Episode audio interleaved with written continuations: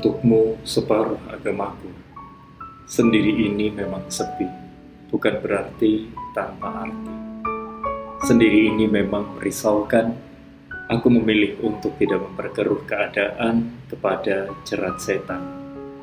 Sendiri ini dalam menantimu, kupinta kepada rohku untuk selalu menunjuki jalan, jalan, dan petunjuk. Untukmu separuh agamaku. Aku bukan sosok suci, tapi rohku yang telah menutupi aib dan dosa-dosa ini. Untukmu separuh agamaku.